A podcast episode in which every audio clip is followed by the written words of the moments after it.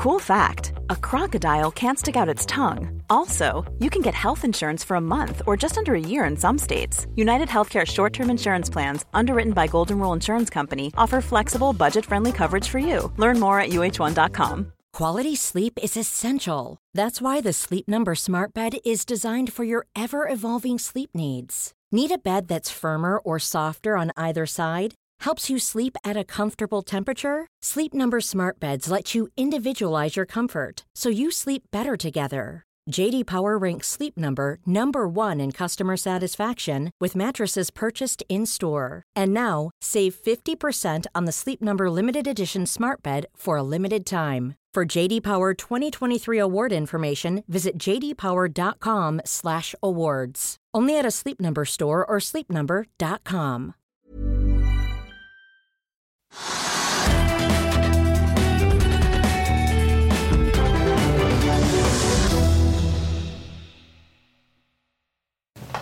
En riktig god onsdag alle sammen, og velkommen til Økonominyhetene på denne 7. desember, der vi både skal gi deg oversikten over de viktigste nyhetene fra økonomiens verden, i tillegg til at vi skal høre hva som nå egentlig skjer i Venezuela, der USA nå ser ut til å ville få opp oljeaktiviteten igjen etter årevis med sanksjoner.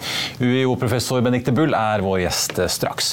Men la oss begynne med å titte litt på markedet. Det er rødt jevnt over i egentlig hele Europa og også store deler av verden i dag. Asia var ganske mye ned i dag. Vi så bl.a. Hang Seng ned i Hongkong da 3% og SMP Asia 50-indeksen endte ned 2,5 mens man i Japan klarte seg litt bedre med nedgang på Nikkei-indeksen på 0,7. Og I USA har vi jo hatt to ordentlig sure dager på Wall Street så langt denne uken. På mandag så vi et fall på de tre store indeksene mellom halvannen og 2 og I går så, så vi Dow Jones falle en prosent til. SMP 500 ned nesten halvannen, og Nasdaq altså falt 2% Futuresene de peker fortsatt mot en nedgang når handelen åpner om en snau time times eh, tid. Her hjemme gikk det bedre på mandag, men surnet også i går med et fall på nesten 0,9 I dag har vi falt eh, på det meste litt over halvannen. Nå ligger hovedindeksen ned en 1,2% og begynner å hente seg litt inn mot eh, på tampen av dagen. Oljeprisen bikket i går under 80 dollar fatet, i hvert fall hvis vi ser på spotprisen for et fat nordsjøolje. Og det er et nivå vi ikke har sett av siden 3. januar tidligere i år. Gjennom året har vi jo sett en topp på hele 130 38 dollar fatet, så svingningene har vært eh, ganske kraftige. Etter fallet i eh, går så så vi prisen i dag stabilisere seg. Nå ligger vi ned 0,3% til 79 dollar og 40 cent omtrent. Etter da fallet i går på 3,3. Og den amerikanske lettoljen ligger også relativt stabilt i dag etter fallet i går, og ligger nå inne med en pris på 74,40. Tekstselskapet Sikri er en av dagens vinnere på Oslo Børs, opp 7% etter meldingen om at svenske Metria, dette selskapet som Sikri kjøpte tidligere i høst, har signert eh, to rammeavtaler med det svenske Naturvårdsverket, hvis jeg uttalte det riktig. Det kom frem i en melding tidligere i dag. Begge avtalene løper over fire år og har en opsjon på ytterligere forlengelser, og til sammen er eh, da kontraktene verdt 430 millioner svenske kroner over da hele perioden på syv år. Det har kommet nyheter fra XXL. De annonserte jo nylig at svenske Freddy Sobin, som kommer fra rollen som sjef i sminkekjeden Kix, skal ta over som konsernsjef til våren. I dag ble det kjent at XXLs norgessjef slutter. Stine Trygg Hauger tar eh, og takker for seg etter snaue to år i jobben. Hun kom fra Claes Olsson i Norge og skal nå bli kjededirektør i Vinmonopolet. Det melder Kampanje. Overgangen skal etter planen skje i mai, som også er tidspunktet satt for overgangen eh, da til Freddy Sobin fra Kix til XXL. XXL opplever jo krevende økonomiske tider om dagen. Aksjen er ned en drøy halvannen prosent i dag og har falt da 70% så langt i år. Og apropos Claes Olsson. De er ute og varslet kostnadskutt i dag på 110 millioner svenske kroner. Det kom frem i kvartalsrapporten. Kuttene betyr at 85 årsverk skal bort, og selskapet regner også med å bokføre engangskostnader på eh, kostnadsprosessen på 120 millioner.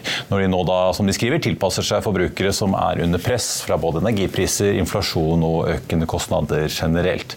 Selskapets resultat etter deres andre kvartal, som altså løper fra august til oktober, endte på 69 millioner kroner. 69 millioner svenske kroner. Det er da en halvering fra samme periode i fjor. Omsetningen tikket opp over drøye 5 til 2,2 milliarder svenske kroner. Og Equinor investerer nesten 4,5 milliarder kroner i et solprosjekt i Brasil. De har nå tatt endelig investeringsbeslutning på Mendubim-prosjektet. Prosjektet skal da gi strøm til 620 000 brasilianske husstander og bygges i samarbeid med norske Scatec og Hydros fornybarselskap Hydro Rein. De tre selskapene eier en tredel hver av prosjektet. Mye av kraften skal gå til Hydros Alunorte-anlegg i landet. og Dette blir da Equinors andre solprosjekt i Brasil. I tillegg satser de jo bl.a. også da i, på fornybarprosjekter i Argentina i regionen. Vi fikk, vi fikk to trafikktall fra flybransjen i dag. Vi snakket jo om Flyr i morges på Børsmorgen.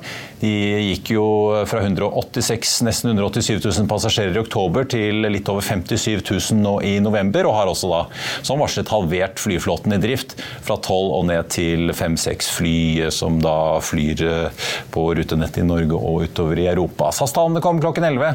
De står jo da midt i restruktureringsprosessen i chapter 11 og skal da etter planen starte emisjonsprosessen sin i januar. Nå i november så fraktet SAS 1,7 millioner passasjerer ned fra 1,9 i oktober. Vi så jo i Norwegians trafikktall fra i går at de opplevde et fall fra 1,9 til 1,4. SAS skriver at kapasiteten ble kuttet med 17% i november, mens passasjertallet altså falt med 14 Fyllingsgraden tikket eh, seks poeng ned til 69% og SAS-sjef Anko van der Werf påpeker at selskapet likevel vokser da 26% mot eh, koronaåret og koronamåneden eh, november da i 2021, og at de nå forventer lavere trafikkfall fremover etter hvert som man går inn i lavsesongen. La oss i Finansavisen hjelpe deg med å holde deg oppdatert på alt som skjer i finans og næringsliv. Hver morgen er jeg, Marius Lorentzen, og aksjekommentator Karl Johan Målnes på plass i studio for å ta tempen på dagens marked i Børsmorgen. På ettermiddagen oppsummerer vi alt du trenger å vite i økonominyhetene, og så får vi selvfølgelig besøk av masse interessante gjester. Du finner oss på fa.no-tv, eller ved å søke opp Børsmorgen og Økonominyhetene der du hører på podkast. I'm Sandra, and I'm just the professional your small business was looking for. But you didn't hire me because you didn't use LinkedIn jobs. LinkedIn has professionals you can't find anywhere else, including those who aren't actively looking for a new job but might be open to the perfect role, like me. In a given month, over 70% of LinkedIn users don't visit other leading job sites. So if you're not looking on LinkedIn, you'll miss out on great candidates like Sandra. Start hiring professionals like a professional. Post your free job on linkedin.com/people today. I'll see you in court. Vi sier det ofte litt på spøk, men for deg som driver business, er det aldri moro å innse at du ikke har laget en 100% gyldig kontrakt. Du bør ikke risikere hele firmaet ditt fordi du synes dette med kontrakter er litt stress. En avtale er ikke en avtale. Du kan miste kunder, miste venner, ja, til og med miste inntekter om du ikke lager en skikkelig kontrakt, på alt mulig, egentlig. Men vi vet det er et styr kopimaskiner, tregprinter og haugevis av papir. Dessuten stoler vi jo på folk her i landet. Det er ofte litt kleint å skulle be om en signatur for alt mulig, ja, for mye av styret handler også om jakten på underskriften. Det finnes en enkel måte å løse dette på, Dukkobit, en trygg, effektiv og get this, gratis måte å sikre seg en god natts søvn pluss en juridisk bindende avtale. Dukkobit-appen har de strengeste sikkerhetskrav i bunn, samt en EU-godkjent og sertifisert teknologi. Framover vil det bli behagelig å spørre du, skal vi skrive under på det, eller? Kom i gang på dukkobit.no.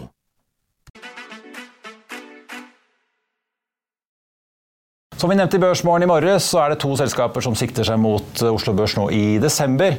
Det ene er solselskapet Energeia. De satser på en notering 13.12. Og solselskapets sjef Viktor Jacobsen kommer til Børsmorgen på mandag morgen. Og så har vi Benchmark Holdings, biotekselskapet innenfor oppdrett, sikter seg mot en notering to dager senere, den 15.12. Skatteoppgjøret er ferdig og skattelistene er ute. Det står jo masse om hvem som har høyest både ligningsinntekt og ligningsformue her i landet rundt omkring i nettavisen i dag. Men noen nøkkeltall kan være interessante å få med seg. I fjor så var det da totalt 393 000 selskaper som betalte 121 milliarder kroner i skatt, opp fra 58 året før. Og på toppen kommer da 299 milliarder kroner i petroleumsskatter. Ser vi på personer, så var det da 4,2 millioner norske norske lønnsmottakere, pensjonister og personlig næringsdrivende, som betalte 637 milliarder kroner i skatt til staten, opp fra 563 i 2020. Trygve Hegnar hadde dette å si da tallene kom tidligere i dag. Ja, Da har vi fått årets skatteliste, Trygve, og fant du noe interessant i de i år? Ja, altså Jeg er jo kjempelei av å høre på politikere og andre som snakker om at de rike ikke betaler skatt her i landet. Og nå har ligningslistene kommet, og de viser at de rike betaler utrolig mye skatt. Mye mer enn noen kunne tenke seg. De 1000 største skattebetalerne i Norge de økte innbetalingen med 78% i 2021 i forhold til 20. Øh, så det vi ser er at det er lurt å se listene. Man ser at bransjefolk, investorer og andre, de betaler masse skatt. Det finnes altså investorer som betaler 200 millioner i skatt, mange av dem. Og det vrimler av folk som betaler 30-40 eller 20-30 millioner i skatt. Så at dette er nyttig for alle. De fleste burde se ligningsliste og se at nå betaler folk masse skatt. Ja, eh, Oljefondsjefen Nicolai Tangen betaler også mye skatt, men han hadde null i inntekt. Ja, han har null i inntekt. Han tjener vel 6-7 millioner kroner i oljefondet, men han har jo da en kjempeformue på 8 milliarder kroner, som, som vi finner i ligningslistene. Og den formuen gir da selvfølgelig en kjempeformuesskatt. Og så har han da kanskje noen småtteri på inntektssiden som ingen bryr seg om. Han har en kjempeformue. Den tok han med fra London. 8 milliarder. Og så ser vi at eh, Formuene som da er ligningsformuene, de er mindre enn de eh, formuene som kapital beregner. Ja, det er selvfølgelig mindre, for ligningstallene tar utgangspunkt i masse rabatter og verdianslag som er lavere. Rabatter på aksjer, rabatter på eiendommer osv. Men, men gjennomgående så er det da altså alt som står på kapitalens liste over de 400 mest rike landene, det er langt høyere enn ligningstallene viser. Men ligningstallene viser at det er store formuer der, selv om man kommer under kapitalsal Eh, så er det masse store formuer der. Og en ting vi kanskje bør nevne at Familien Reitan, som da driver med handel, som folk er gjerne sure på, sier at de som da har butikker, tar for høye priser. Altså Reitan-familien skal ikke jeg være sånn spesielt snill med dem, men Odd Reitan og Ole Robert og Magnus de betalte samlet 600 millioner kroner i skatt i fjor. Og så har vi en laksearving som betalte over en halv milliard. Ja, men de tjener rått med penger også, så han må betale mye i de gode tidene. Men det er, det er, morsomt å se disse tallene sammenlignet med. Altså det, når man hører debatten i Norge, så snakker man liksom de som tjener mer eller mindre enn 750 000 kroner. De som tjener mindre enn 750 000, de skal betale mindre skatt. Og de som betaler, og, altså, tjener mer enn 750 000, skal betale mer i skatt. Men altså, den verden vi snakker om når vi ser på ligningslistene, det er en helt annen verden. Det er de rike, og de rike betaler masse skatt. Det er ikke bare i shipping, energi og retail og finans man kan tjene penger. Det å være idrettsutøver eller influenser kan gi deg til salt på maten, det også. Bare se her. Erling Braut Haaland, Sofie Elise, Morten Hegseth, Isabel Rad, Martin Ødegaard og mange flere. Dette er så mye idrettsstjernene og influenserne i Norge tjener. Skattelistene for 2021 har blitt sluppet, og nå kan vi snoke i kjendisenes, naboens og våre bitreste fienders lønninger. Vi i Finansavisen sto opp klokken halv fem i morges og hentet ut de mest interessante navnene, så du slipper. På toppen av listen over influenserne finner vi Jørgine Vastrand. Hun tjente 7,8 millioner kroner i fjor, og dermed dobbelt så mye som Isabel Rad, som bare tjente 3,9 millioner. På tredjeplass finner vi overraskende nok Morten Hegseth, som rakte inn hele 6,4 millioner kroner på sine roller som Skal vi danse-dommer, diverse podkaster og andre oppdrag. Formuene til influenserne er imidlertid ingenting sammenlignet med toppidrettsutøverne. Erling Braut Haaland han hadde i 2021 en formue på over 92 millioner kroner. Men det var før han ble kjøpt av Manchester City i fjor. Lønnen, inkludert skåringsbonuser, den estimeres til å være på nær 11 millioner kroner i uka. Det er over 570 millioner i året. Så neste år så vil nok både formue og inntekter eksplodere for Gjerbund. Martin Ødegaards formue matcher ikke hans beskjedne fremtoning i intervjuboksen etter hvert. Han var nemlig god for nesten 80 millioner kroner i fjor. På inntektstoppen blant idrettsstjernene finner vi imidlertid Magnus Carlsen og Karsten Warholm, som begge tjente rett under 18 millioner kroner i fjor. Finansavisen har i dag skrevet et ras av saker om hvor mye kjendisene, influenserne, toppidrettsutøverne, analytikerne, milliardærene og politikerne tjente i året som gikk. Gå inn på fa.no, så kan du lese alt. Nå som oljeprisen er eh, ned under 80 dollar, hva passer bedre enn å snakke om et av landene med de største reservene i verden, nemlig Venezuela. Mandag meldte Bloomberg at Chevron nå skal ta kontroll over et av oljeanleggene i eh, landet denne uken. Et anlegg som også prosesserer eh, den seige oljen fra landet, men som også har vært rammet av sanksjoner. Og få høre mer om hva som skjer i landet og hva som skjer på bakken, er en glede å ønske velkommen til Benedicte Bull, professor ved Universitetet i Oslo. Takk for at du ville komme. Bare hyggelig. Du har akkurat vært i Venezuela og kom hjem eh, for noen dager siden. Ja. Hva er det egentlig som, skal vi begynne litt over, hva er det egentlig som skjer der nå? Det har jo liksom vært litt stille etter at det har vært så mange år med harde sanksjoner eh, mot landet? Ja, og mens vi på en måte så en annen vei, så har jo eh, regimet, som på en måte i, i, hvert fall kaller seg selv sosialistisk, egentlig Til Maduro, ja. Eh, til Nicolas Maduro, har, har liberalisert økonomien ganske omfattende. Begynte med dollarisering i 2018, og så liberalisering liberalisering, privatisering, og de har på en måte latt næringslivet få operere litt friere enn det de har gjort før. Og resultatet av alt dette her er jo en sånn blomstrende eliteøkonomi, i hvert fall i hovedstaden og noen andre storbyer. Så når du kommer Nå, det, nå har ikke jeg vært der siden 2020, og allerede da så var egentlig oppsvinget begynt litt sånn på overflaten. Eh, Men var det frivillig, eller ble han på en måte tvunget litt til å ta noen grep? For det var vel Hugo Chávez i sin tid som nasjonaliserte eh, mye av økonomien i landet? Ja, ja. altså eh, det var måte resultatet av sanksjonene og eh, den totale økonomiske kollapsen og eh, varemangel, eh, rett og slett. Ja, så han ble på en måte økonomisk tvunget til det. Det var ikke politisk tvunget, men det var den eneste måten å overleve på, var for det første å begynne å bruke dollar. De hadde jo da var, var inne i sitt andre år med hyperinflasjon, altså over 1000% Og litt senere så kom jo inflasjonen opp i 350 000 Så Bolivia Bolivaren, altså den nasjonale myndigheten, kollapsa totalt. Ja. Og folk begynte å tenke dollar egentlig lenge før det ble tillatt. Det, det snek seg på en måte inn? Ja. Men Fortell litt, Hvordan oppleves det? da? En ting at det har skjedd mye, men er det, på en måte, er det en funksjonell økonomi, eller er det køer for brød og bensin? Litt tabloid sagt. Ja, altså Ingen av delene. Eh, det er ikke lenger køer for eh, brød og bensin. Det var jo, Sist jeg var der, så var det jo kilometervis med køer. Folk satt sov i bilene sine for å få fylt nesten gratis bensin. Eh, og det var også, Da var jo varemangelen begynt å hjelpe litt, men bare et par år tidligere så var det jo helt tomme hyller. Det ser du ikke lenger. Eh, I hvert fall ikke i Caracas. Nei. Eh, det er nok ganske annerledes. Nå var jeg bare i Caracas denne gangen. Det er ganske annerledes flere steder på bygda. Ja. Men det er jo heller ingen funksjonell økonomi. fordi at det, det grunnleggende i økonomien er egentlig ikke retta på. Og institusjoner, altså det, Institusjoner, og, og inflasjonen fortsetter jo. Ja. Eh, man har fått det ned i sånn 150% men man ser også nå en inflasjon i dollar. Og det er jo sånn økonomi, Økonomene klør seg litt i hodet. Hvordan kan det bli inflasjon i dollar? For det er jo ikke deres myntenhet. Men det er rett og slett fordi at det er ikke nok varer i omløp omløp, og folk har mye dollar mm. som de får tilsendt fra utlandet. Og, det er mange eh, i USA og i Europa. Og, ja. Det er 7,3 millioner venezuelanere. Mm. Det er nesten 20% av befolkningen har flyktet. En del til USA, flere, de fleste til nabolandene. Men, eh, så, og det, og, så det grunnleggende i økonomien er ikke ikke i orden. Og derfor så er alt en liten Det er jo egentlig en boble, mm. eh, alt sammen. Man har redusert Altså fjerna tollavgifter på mye. Man tillater at man importerer fra dør til dør, så bare store konteinere. Så folk kjøper masse varer på Walmart og sender det til slektninger i Venezuela som selger det videre. Det er jo ikke noe bærekraftig økonomi på noe som helst vis. Nei. Produksjonen i landet er lamma fremdeles.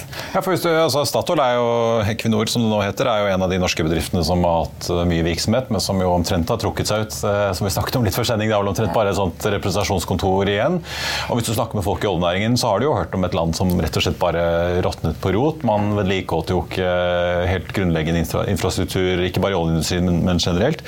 Men hva er det som skjer nå, da? Nå er det jo Selvfølgelig energikrisen har jo høy bensinpris jo, så har kanskje dyttet Joe Biden og amerikanske myndigheter til å se på Venezuela på nytt. Men vi leser også at eh, representanter fra Norge er involvert i å prøve å legge til rette for en slags forhandling mellom Maduro og opposisjonen, eh, før da valget som kanskje skjer i 2024? Ja, altså Det er mye som skjer internasjonalt, vil jeg si. Norge har jo holdt på å legge til rette for dialog siden 2018. Så kom det liksom, ble offentlig i 2019. Og så har, man hatt to runder tidligere. som Den første runden kollapset totalt i 2019. Andre runden i Mexico, den, den, da kom de fram til en første sånn delavtale om noe humanitær bistand. Og så har man nå kommet fram til en ny avtale om humanitær bistand. Og den dreier seg om at man skal eh, frigjøre 3 milliarder dollar av venezuelanske penger som er frosset i utlandet pga. sanksjoner, til eh, humanitære formål og til å gjenopprette det som er det store problemet. Det er at offentlige tjenester er kollapsa totalt. og Det gjelder strøm, det gjelder vann eh, og en del sånn grunnleggende ting, ting, både for å leve og for at næringslivet skal eh, overleve. Men eh, det som skjer nå i det siste, er jo at USA under Biden er blitt mye mer interessert i å, å gjenopprette relasjoner. Noen husker kanskje Men er det mest fordi, altså, av egen interesse fordi at de ønsker å få olje fra Venezuela inn i markedet, eller? Det er nok både det, eh, ganske mye lobby fra Chevron og andre selskaper, eh, og det faktum at, eh, at det er en del raffinerier i Mexicogolfen som var spesialbygd for venezuelansk olje. Ja, for Det er jo litt sånn tekniske ja. detaljen at uh, åpner opp der, så ender jo den oljen veldig fort i Texas og Louisiana. Ja, ja men den ble spesialbygd for venezuelansk tungolje. Og ble raffinert i, i USA og ble solgt som bensin. Men eh, når sanksjonene kom i 2019, altså oljesanksjonene, så ble den oljen erstattet med russisk olje. Og så kom 2022, og så er russ, russerne ute. Så det er en del, av, en, del, en del av bildet er rett og slett mer interesse for eh, venezuelansk olje. Men det, den andre delen er jo at eh, Biden-administrasjonen nok ser etter et eh, politisk prosjekt som, eh, som de kan, kan gi den, dem en utenrikspolitisk seier. Og så er det jo det at det strømmer venezuelanere, venezuelanske migranter, til USA. Og hele Biden-administrasjonen har hatt en litt annen holdning til migrantkrisa, og det er at man skal heller prøve å fikse problemet som får dem til å dra. Så det er nok flere deler av den motivasjonen. Som får dem til å ja. ta nye grep, da. Ja. Ja. Men, Men, er det også en posisjonering Vi vet jo at i mange andre land så kniver jo USA og Kina om hvem som er til stede. Er det, er det sånn at eh, USA frykter at eh, Kina skal komme inn på et eller annet tidspunkt og begynne å investere og få Venezuela opp og gå igjen, eller? Altså, kineserne er, de, kineserne er rett og slett møkkleie av Venezuela. Ja, Så de, ikke, de er ikke interessert? Nei. De lånte dem 65 milliarder dollar og har nå ikke fått tilbakebetalt veldig mye av det. det skulle, en del skulle tilbakebetales i olje. Ja. Så uh, kineserne er veldig sånn eh, ganske distansert. Så det er ikke der det på en måte ligger uh, Nei, men, men altså, det er klart at det man har klart å gjøre nå med den, den altså, det, det, unntaket fra sanksjonene som Chevron har fått, og som nå sannsynligvis flere oljeselskaper vil få, og avtalen som er innført, det er jo at man har kanskje i hvert fall slått en bitte liten kløft inn mellom Venezuela og Russland. For der har det jo vært et veldig tett forhold. Eh, og, og, nå vil jo egentlig Venezuela og Russland ha ganske motstridende interesser i en del ting. Og det kan jo også være i hvert fall en liten sånn ekstragevinst fra USA sin side. Men gi oss et lite innblikk. Eh, hvis vi ser på oljeindustrien eh, der nede, hvordan det ser ut. De var jo på topp, en av de store produsentene i verden. Produserte jo om lag tre millioner fat dagen. Så har vi jo sett i hvert fall de offisielle tallene tikke ned godt under millionen. altså Sammenlignet med da for ti år siden. Toppen var vel rundt 2010-2014. Eh, nå ligger de på en snau million fat dagen. Eh, er det noe realisme å få det tallet opp i betydelig grad den nærmeste tiden, eller vil det ta, uansett hvor mye man opptar opp, mye tid? Ja, altså Regjeringen sier de skal komme opp til to millioner fat. Eh, og det er det egentlig ingen eksperter som tror på. Eh, fordi at det, det, er så nedslitt. Eh, altså, nå har jo Chevron fått muligheten til å vedlikeholde sine installasjoner, og nå får de større grad av mulighet til å, å, å fikse på det som er kollapset. Men eksperter sier kanskje 1,2 millioner fat om dagen. Ja. Eh, men noe over det er det veldig få som tror på, og til og med det vil kreve ganske store investeringer. Og eh, selv om man nå åpner for eh, for Chevron, og det nå forventes at man kommer til å åpne for andre selskaper også, fordi at eh, USA har egentlig ikke noen mulighet over lengre tid til å favorisere ett selskap, ifølge sin egen eh, lovgivning. Ja. Så, eh, så vil det ta ganske lang tid før, før man klarer å, å komme i gang med noe ordentlig produksjon. Altså Bare det faktum at det er altså, eh, blackouts eh, i ett det- Du har ikke noe, du har ikke noe går, ja. tilgang på strøm jevnlig. Altså Alle de tingene må fikses på før du egentlig får i gang noe sånn stabil produksjon, tenker jeg. Ja, for Det er jo en litt sånn spesiell situasjon nå. Nå har jo Chevron fått en, så vidt jeg skjønner, en seks måneders lisens eh, for å gjenoppta vedlikehold og på en måte drift av sine anlegg. Men boreforbudet er fortsatt eh, der fra amerikanske myndigheter, eller de sanksjonene på boring. så du da virker det som det fortsatt skal litt til før det er en full gjenåpning i gåsehendene. da. Full gjenåpning er det ikke. Og det er jo heller ikke noe altså Det er jo bare en lisens, det er et unntak fra sanksjonene. Sanksjonene, Både de finanssanksjonene fra 2017 og oljesanksjonene fra 2019, de ligger der jo fremdeles. Og så, eh, men altså, både sanksjonene og anerkjennelsen av opposisjonspolitiker Juan Guaidó som den rettmessige presidenten i landet fra 2019, som eh, USA eh, på mange måter sto bak, fikk med seg mange andre land på, den skaper jo nå en enorm eh, både politisk og juridisk floke. Fordi det er jo eh, både pga. datterselskap til, til det venezuelanske oljeselskapet eh, eh, i, i USA, som egentlig da som, som det er stor rift om pga. manglende gjeldsbetaling etc., som kan etter hvert tilfalle eh, Som nå egentlig er kontrollert av opposisjonen og ikke regjeringen. Så eh, hele dette her, eh, det er et minefelt Ja. av juridiske problemer, egentlig. Men eh, si litt til slutt om eh, For jeg skjønner jo at det skal litt mer til enn å bare gi grønt lys. eh, Men si litt om på en måte Maduro og hvordan hvordan det ser ut, for Jeg antar at det stilles vel en del krav eh, fra vestlige land for å løfte sanksjoner om at han også må komme dem i møte og gi mer rom til opposisjonen, bl.a. Hvor mye på en måte, hva, hva vet vi egentlig om kravene, og hvor mye han er villig til å faktisk imøtekomme dem? Ja, det er jo det store spørsmålet. Og det er jo det norske altså, Det er på en måte to ting her. Det ene er løfting av oljesanksjon, eller eh, lisensen der. Og det andre er forhandlingene i Mexico, og de dreier seg jo nettopp, nettopp om det politiske. Og Maduro har jo sagt at han kommer ikke til å Det er på en måte litt sånn slip of the tongue. Han kommer ikke til å gi fullstendig frie valg om, om eh, sanksjonene ikke fjernes totalt. Og da innrømmer han jo at valgene ikke har vært fri ja. til nå. Men det er nok et forhandlingsutspill. eh, Og tanken er jo at den ganske begrensa avtalen som man nå kom fram til i Mexico, det er begynnelsen på forhandlingene om hvordan å eh, sikre frie og rettferdige eh, valg i 2024. Em, det er veldig usikkert hvor mye han er villig til å gi, men du har jo sett i, i, i tidligere runder at man har kommet fram til at man har tillatt større grad av internasjonal observasjon. Eh, opposisjonen krever jo at man opphever forbudet mot en del partier og og, eh, og en del politikere som ikke får lov å stille, eh, og, og en rekke andre ting.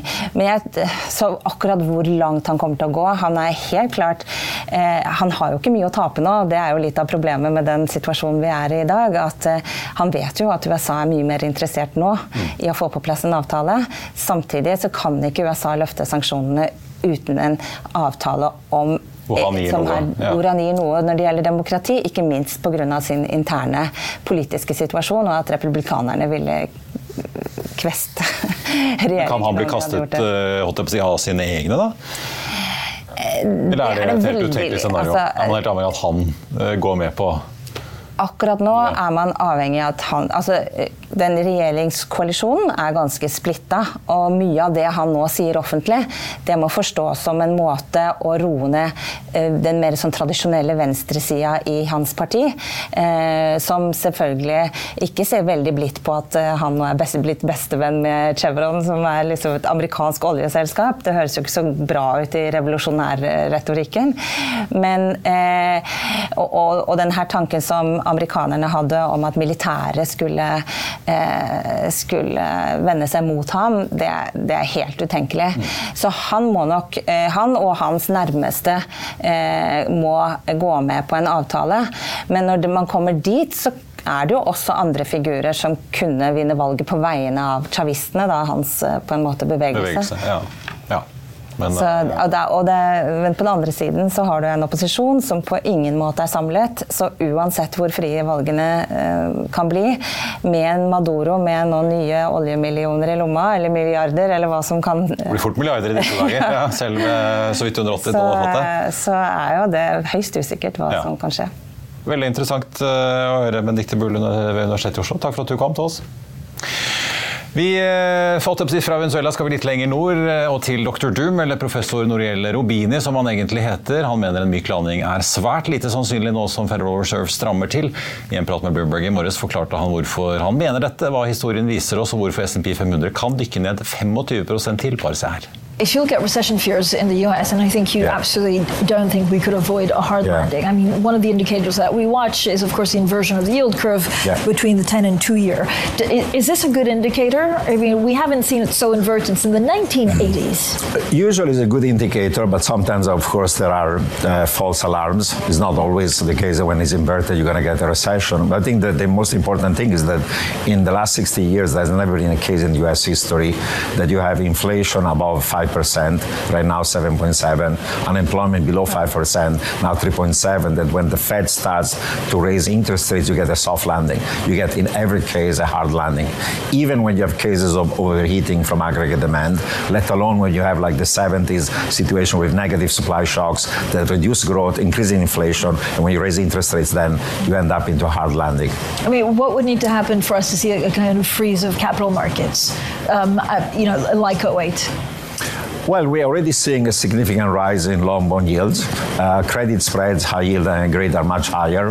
In the leveraged loan market and CLO markets, things are almost shutting down, not yet, but the spread have widened so much that the issuance has become much lower. So all the kind of uh, excesses that occurred not in the banking system, but in the shadow banking system, it was private debt, CLOs, leveraged loans, fallen angels, high yield. Those things are markets that slowly, slowly are becoming more distressed over time. And as we enter in a recession, the spread widening is going to be much more significant. And we're seeing stress points, right? We saw something yesterday on currency derivatives. We're seeing, you know, places in bonds. Where do you see it first? Is there something that you think could blow up before the end of the year? Uh, I think that the stresses are going to come in the credit markets. If we're going to enter a recession, lots of institutions like corporates, households, uh, businesses that are highly leveraged, I call them zombies, that are effectively insolvent, they were bailed out during the GFC and during the COVID crisis with zero rates, negative rates, CE, yeah. and quantitative easing, they'll have significant increases in debt servicing ratio. So you're going to see distress in credit markets. But these are probably not, comp- I mean, is it companies that that I mean, without taking a judgment, that actually, yeah. you know, were, shouldn't have stayed alive so long in yeah. the first place? I mean, the, the Fed. Was it healthy companies? No, they were not. I mean, before the COVID crisis, the Fed was writing financial stability reports saying that their worry was about the corporate sector, high debt, trillions of dollars, leverage loans, CLOs, high yield, uh, fallen angels. And what happened during the COVID crisis that those institutions, those corporations, not only didn't go bust, but they were bailed out. Went to, to zero rates. We even bought high yield bonds, and therefore everyone was bailed out, and they borrowed even more. Today, unfortunately, with the rise in inflation, the Fed is rising rates from zero to four. They're going to go at least until five, 525, possibly, in my view, closer to six percent. Then the institutions that are insolvent are going to have to go into distress. Uh, no, that's the credit stress. And, and so, uh, the credit stress. What, what does that mean in terms of correction for the markets? For example, for equity markets, how much lower should we be? Well, you know, even if you had a short and shallow recession, typically from peak to trough, the S&P 500 falls by 30%. During the GFC, it fell by 50%. So even if we had a mild recession, right now the market is down, depending on the day, 15% from the peak, you'll have another 15% leg down. If we have something more severe than a short and shallow recession, but not as severe as GFC, yeah. you have to to minus 40 from minus 15. So you have another 25% downside potentially in the markets. Velkommen tilbake. Har du ønsker om aksjer vi skal analysere eller selskapet vi skal se nærmere på, send en e-post til tvtips.finansavisen.no. Der tar vi både imot eh, gjesteforslag og tilbakemeldinger enn det som skulle være. På tampen, la oss eh, titte litt på aksjene som har eh, preget dagen i dag. Flyr ligger foreløpig i null etter deres trafikktall som kom på morgenkvisten i dag, altså, hvor trafikk, eller passasjertallet har falt en tredel av hva det lå på i oktober, i takt med at selskapet da går inn i dvalemodus nå til vinteren, som varslet tidligere tidligere i høst. Aksjen ligger på 0,59 øre. Og som jeg har sagt tidligere, med denne famøse emisjonskursen på ett øre som selskapet er ganske avhengig av å komme opp til, skal de få inn mer penger. I hvert fall den strukturen som er lagt opp i kapitalinnhentingen til nå. SAS faller 1,2% i dag etter at de kom med trafikktall klokken 11. Konkurrenten Norwegian kom med tall i går, ned 0,2 da i dag. Norse Atlantic ned 1,2 Norse Atlantic har jo da annonserte samarbeid med Flyr, hvor man da kan booke billetter på kryss og tvers av de to utfordrerne. Sikri, som har vunnet en stor kontrakt i Sverige gjennom sitt datterselskap, opp 7,2% Så er det XXL, der hvor norgessjef eh, Stine Trygg Hauger altså takker for seg å gå til Vinmonopolet etter snaue to år i jobben. Den aksjen faller 1,4% Og så har vi TGS og PGS, da begge faller et par prosent. I dag kom det da melding om at de har sikret da førfinansiering til en multiklientundersøkelse i Brasil, i Santos-bassenget Stortinget, og, eh, som da skal dekke 15 000 kvadratkilometer. Ellers er Grieg Seafood ned 0,7% i eh, dag. Eh, Grieg opplyste at det er mistanke om ILA, altså denne sykdommen, på en lokalitet på Hestholmen i Kvitsøy kommune, ifølge Intrafish. Aksjen har vært ned over prosenten i dag, men har hentet seg noe inn da utover dagen. Yara, ellers verdt å ta med seg, den faller jo da 5,6 i dag, eller 25 kroner da til 426, men den aksjen handles også x-utbytte på 10 kroner, så omtrent halvparten av fallet skyldes uh, altså utbyttedetaljen i den aksjen, får vi si. Hovedindeksen på Oslo Børs ned halvannen prosent, har mistet eh, litt mer fart. Vi så jo 1,2-tallet i minus ved starten av sendingen, men vi har mistet litt mer oppdrift, så da ser det ut som vi lander på en relativt da, sur dag for dag nummer to. På listen over de mest omsatte aksjene så er det rødt langt, langt nedover, helt til vi kommer til Aksjelutions, som tikker opp en halv prosent. men Foran der så har vi Equinor og Aker BP. Eh, Equinor er ned 1,9 Aker BP ned 2,9 Vi har Sideril ned 2,2% Vi var innom Yara, Frontline ned 3,9 Hydro ned 0,8 SalMar så vidt i minus. Nell 6,2% i minus. Og DNB og Vår Energi begge ned da 2% omtrent. Oljeprisen ligger fortsatt under 80 dollar fatet, som vi var inne på, som er første gangen da siden starten av januar i år. 79,60 er vi nå i spotmarkedet, den amerikanske rettoljen ligger rett under 74,50. Og det er eh, fortsatt tegn til en negativ start på Street når handelen der åpner om 27 minutter. I Finansavisen i morgen kan du lese Trygve Egnars leder om herlige skattelister. Du kan lese Kristin Clemets sitt tilsvar til Trygve Hegnar etter Hegnars leder om at det er noe sykt med Civita. Det blir masse om skattelistene, og du kan også lese om at investorer ikke lar seg skremme fra å strømme til et nytt eiendomsprosjekt i regi av meglerhuset Arctic. Og for de som husker, eller har god hukommelse, så skrev vi jo for ikke så veldig lenge siden om dette Equinor-bygget på Fornebu, der Arctic pakket sammen en investeringspakke der husleien ikke lenger dekker renteutgiftene til selskapet som eier bygget. Og Det var det vi hadde for deg i dag, men husk at vi er tilbake igjen med Børsmorgen 08.55 i morgen, og deretter med Økonominyhetene 14.30. Da får vi besøk av sjefen i Europris bl.a., som skal ha kapitalmarkedsdag i morgen, så det er verdt å få med seg. I mellomtiden så får du som alltid siste nytt på fa.no. Mitt navn er Marius Thorensen. Takk for at du så eller hørte på, og så håper jeg vi ses igjen i morgen alle sammen. Takk for nå.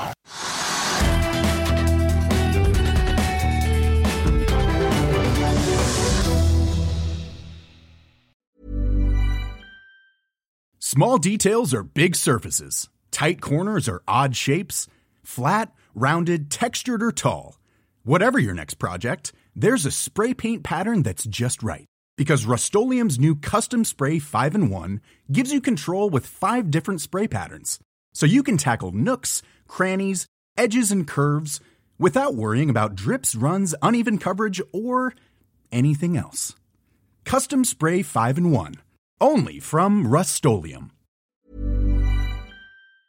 Økonominyhetene er en podkast fra Finansavisen. Programledere er Marius Lorentzen, Stein Ove Haugen og Benedikte Storm Bamvik. Produsenter er Lars Brenden Skram og Bashar Johar. Og ansvarlig redaktør er Trygve Hegnar.